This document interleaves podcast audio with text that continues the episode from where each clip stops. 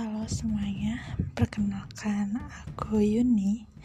Di sini saya akan menceritakan atau berbicara tentang sesuatu yang berbau dengan kriminal, baik di Indonesia maupun di luar negeri.